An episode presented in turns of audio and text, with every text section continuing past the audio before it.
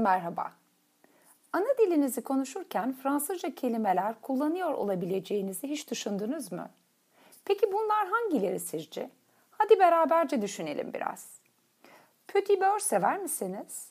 Petit Fransızca'da küçük ya da ufak, beurre ise tereyağı anlamına gelir.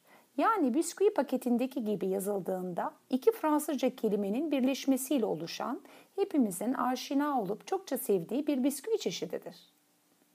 Peki kıyafetlerinizi nereye asarsınız? Gardırop.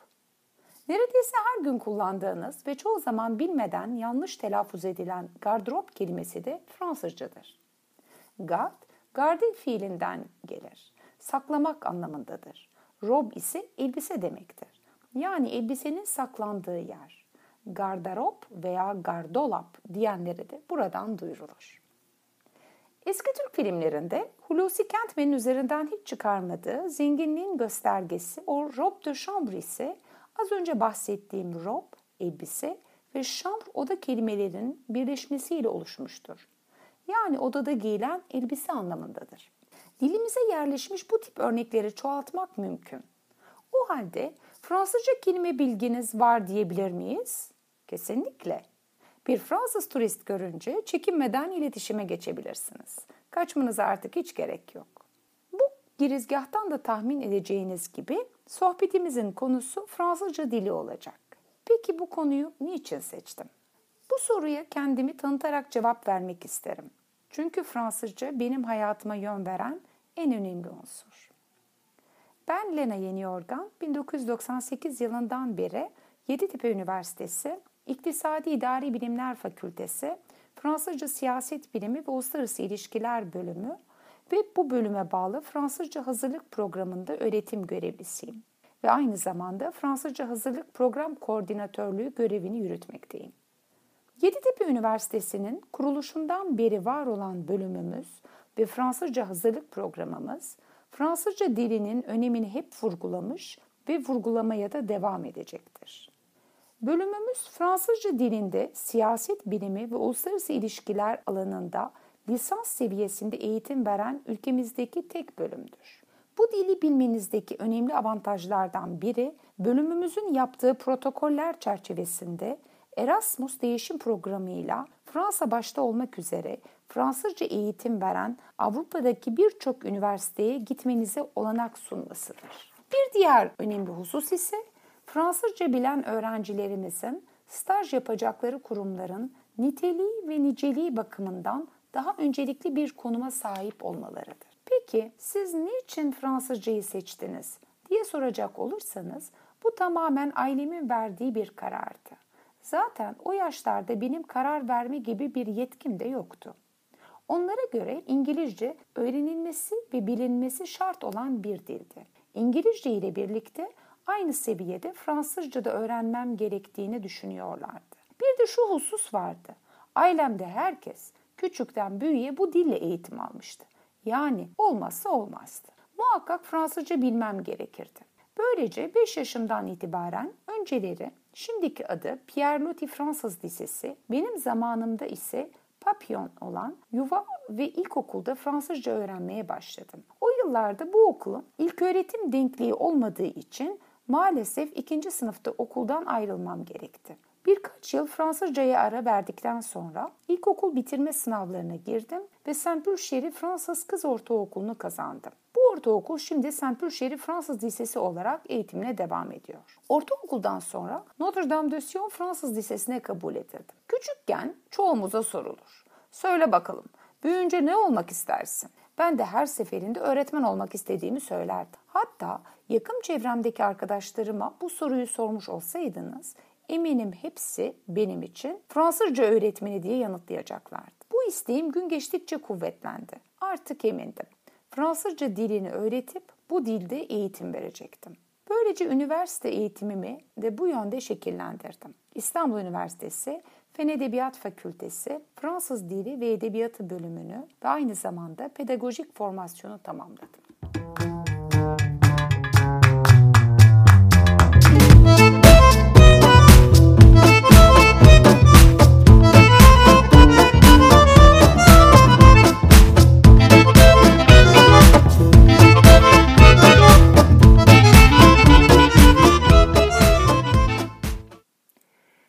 İsterseniz Fransızcayı biraz daha yakından tanıtayım sizlere.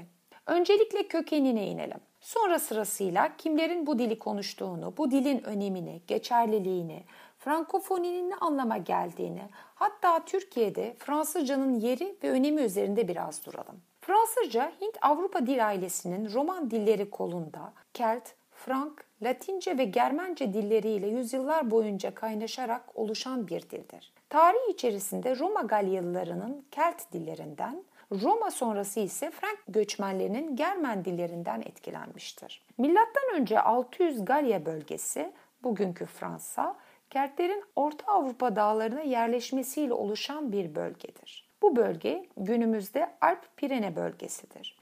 Keltçe yazısı olmayan sadece halkın konuştuğu bir dildi. Milattan önce 58-50 yıllarında Güney Fransa'da Provence bölgesi Roma topraklarına katıldı. Halk Keltçeyi bırakıp Latince konuşmaya başladı.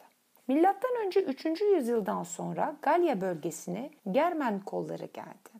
En büyükleri olan Franklar kuzeye yerleştiler. Bunlar Fransa'ya adını ve dilini veren kavimdir. Galya bölgesine Fransya denilmeye başlandı. La France, Fransa, le français, Fransızca sözcükleri buradan gelir. Milattan sonra 5. ve 7. yüzyılda Latince varlığını sürdürür. Ama bir süre sonra din adamlarıyla halk arasında dilde kopukluklar baş gösterir. Halk klasik Latinceyi anlamadığı için 813 yılında Tur şehrinde Concile de Tours, Tur Konseyi toplanır ve halkın 300 yıl boyunca konuşacağı Lingua Romana Rustica, Roman dili tanınır. Fransızcanın bilinen yazılı ilk metni ise 842 yılında iki kardeş kral arasında savaşın bittiğine dair yazılmış barış anlaşmasıdır. Le Serment de Strasbourg, Strasbourg yemini. Türkiye'de Fransızca dilinin geçmişine bir göz atacak olursak, Kanuni Sultan Süleyman döneminde başlayan Türk-Fransız işbirliği uzun yıllar devam ederken Tanzimat döneminde hız kazanmıştır. Eğitim, siyasi, kültürel ve ekonomik açıdan önemli bir işbirliği sağlanmış ve Osmanlı son dönemlerinde Espas Frankofon, Frankofon ortam alanında önemli bir yer edinmiştir. Günümüzde tercih edilen İngiliz dili aksine o zamanlarda Fransız dili, edebiyatı ve kültürü geniş bir kitleye hitap etmekteydi. Şimdi de bu güzel dili neden öğrenmemiz gerektiği ve bize nasıl faydalar sağlayabileceğini aktarmaya çalışayım sizlere. Fransızca bir dünya dilidir. Bugün İngilizce dünyanın en çok konuşulan dili olsa da Fransızca İngilizceden sonra 5 kıtada pek çok ülkede yerel dil, eğitim, devlet ve ticaret dili olarak geniş bir alanda kullanılmaktadır. Dünyada yaklaşık 200 milyon kişi Fransızca biliyor.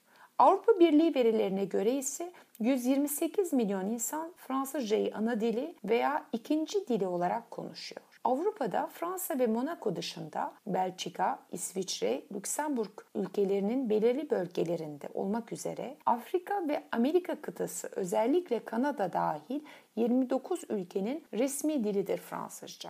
Dünyada Fransızca konuşan nüfusun büyük çoğunluğu %34'ü Afrika'da yaşıyor. Uluslararası Fransızca konuşan ülkeler topluluğu raporuna göre 31 farklı Afrika ülkesinde yaşayan 115 milyon Afrikalı Fransızcayı ana dili ya da ikinci dili olarak konuşmaktadır. Bana göre Fransızca diğer dillere açılan bir kapıdır. Fransızcanın bulunduğu dil ailesinde İspanyolca, İtalyanca, Portekizce, Rumence, Katalanca gibi diller vardır. Fransızca bilen bir kişinin bu dilleri özellikle de İspanyolca ve İtalyancayı öğrenmesi daha kolaydır. Hatta İngilizce'deki sözcüklerin büyük bir bölümünün de Fransızca kökenli olduğunu söylemek yanlış olmaz. Örneğin İngilizce'deki discover kelimesi Fransızca'daki découvrir, keşfetmek kelimesinden. Refuse kelimesi ise refuser, reddetmek kelimesinden. Tolerate, tolere, hoş görmek kelimesinden gelmektedir. Türkçe'de kullandığımız randevu kelimesi İngilizce'ye de Fransızcadan geçmiştir. Bu örnekleri çoğaltabiliriz. Fransızca İngilizce'den sonra öğrenilen ikinci yabancı dildir. İş sektöründe ise konuşulan üçüncü dildir. Fransızca bir diplomasi dilidir. Fransızca Avrupa Birliği, Birleşmiş Milletler, Ekonomik Kalkınma ve İşbirliği Örgütü, Avrupa İnsan Hakları Mahkemesi, UNESCO, NATO, UNICEF gibi pek çok uluslararası örgüt veya kurumların resmi dillerinden biridir. Uluslararası ilişkiler veya uluslararası ticaret alanlarında kariyer yapmayı düşünen bir kişinin Fransızca öğrenmeyi planları arasında eklemesi önerilir.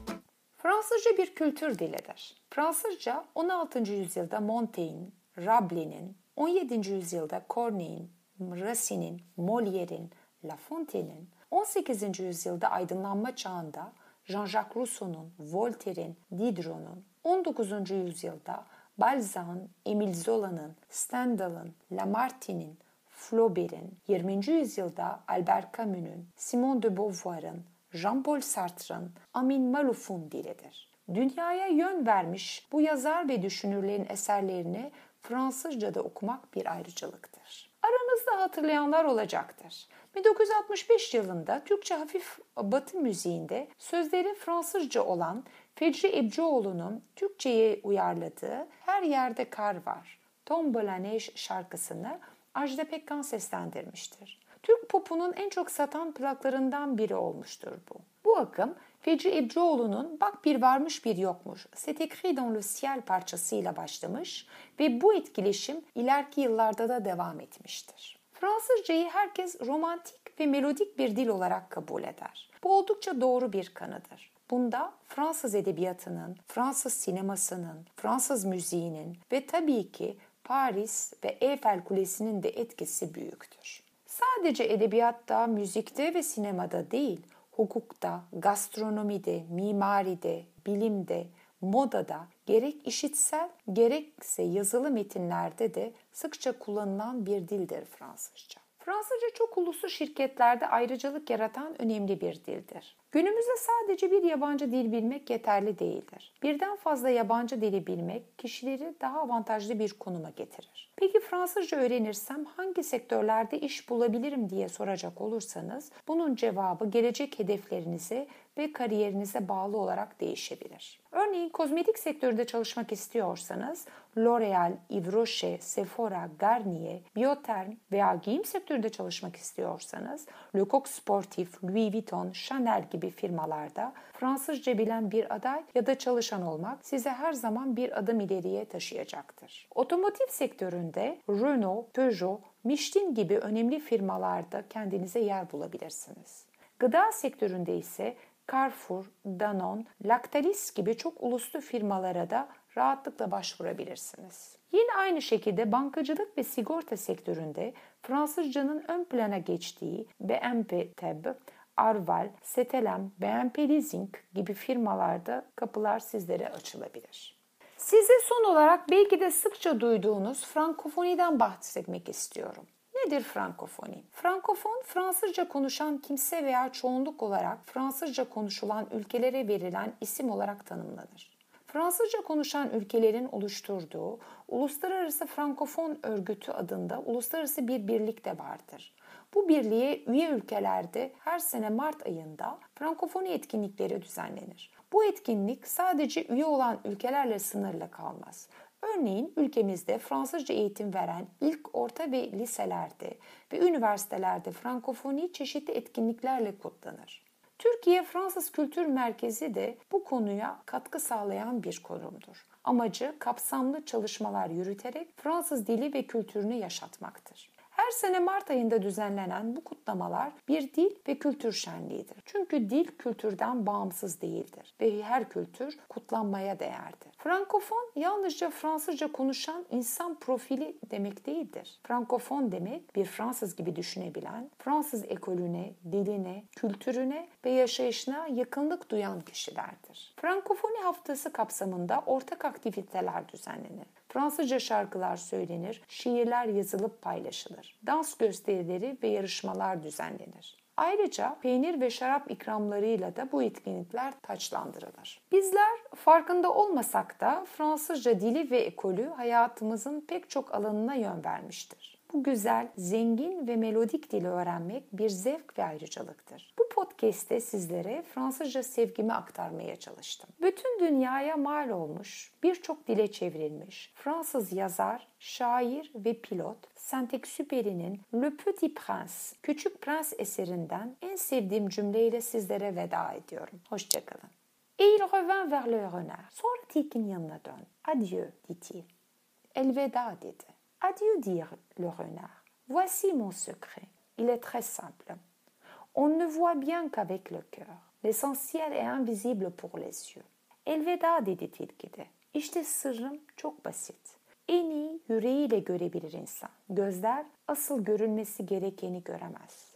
L'essentiel est invisible pour les yeux, répéta le petit prince afin de se souvenir. Gözler asıl görülmesi gerekeni göremez diye yineledi küçük prens. Unutmamak için. C'est le temps que tu as perdu pour ta rose qui fait ta rose si importante. Gülünü senin için bu kadar önemli kılan ona harcadığım zamandır. C'est le temps que j'ai perdu pour ma rose, fit le petit prince afin de se souvenir. Gülümü benim için bu kadar önemli kılan ona harcadığım zaman, dedi yine küçük prens, unutmamak için. Les hommes ont oublié cette vérité, dit le renard. Mais tu ne dois pas l'oublier. Tu deviens responsable pour toujours de ce que tu as apprivoisé. Tu es responsable de ta rose. İnsanlar bu hakikati unuttular dedi tilki. Ama sen unutmamalısın. Bir şeyi evcilleştirdin mi sorumluluğu sana ait olur. Gülünden sorumlusun yani. Je suis responsable de ma rose, répéta le petit prince afin de se souvenir. Gülümden sorumluyum diye yineledi küçük prens unutmamak için.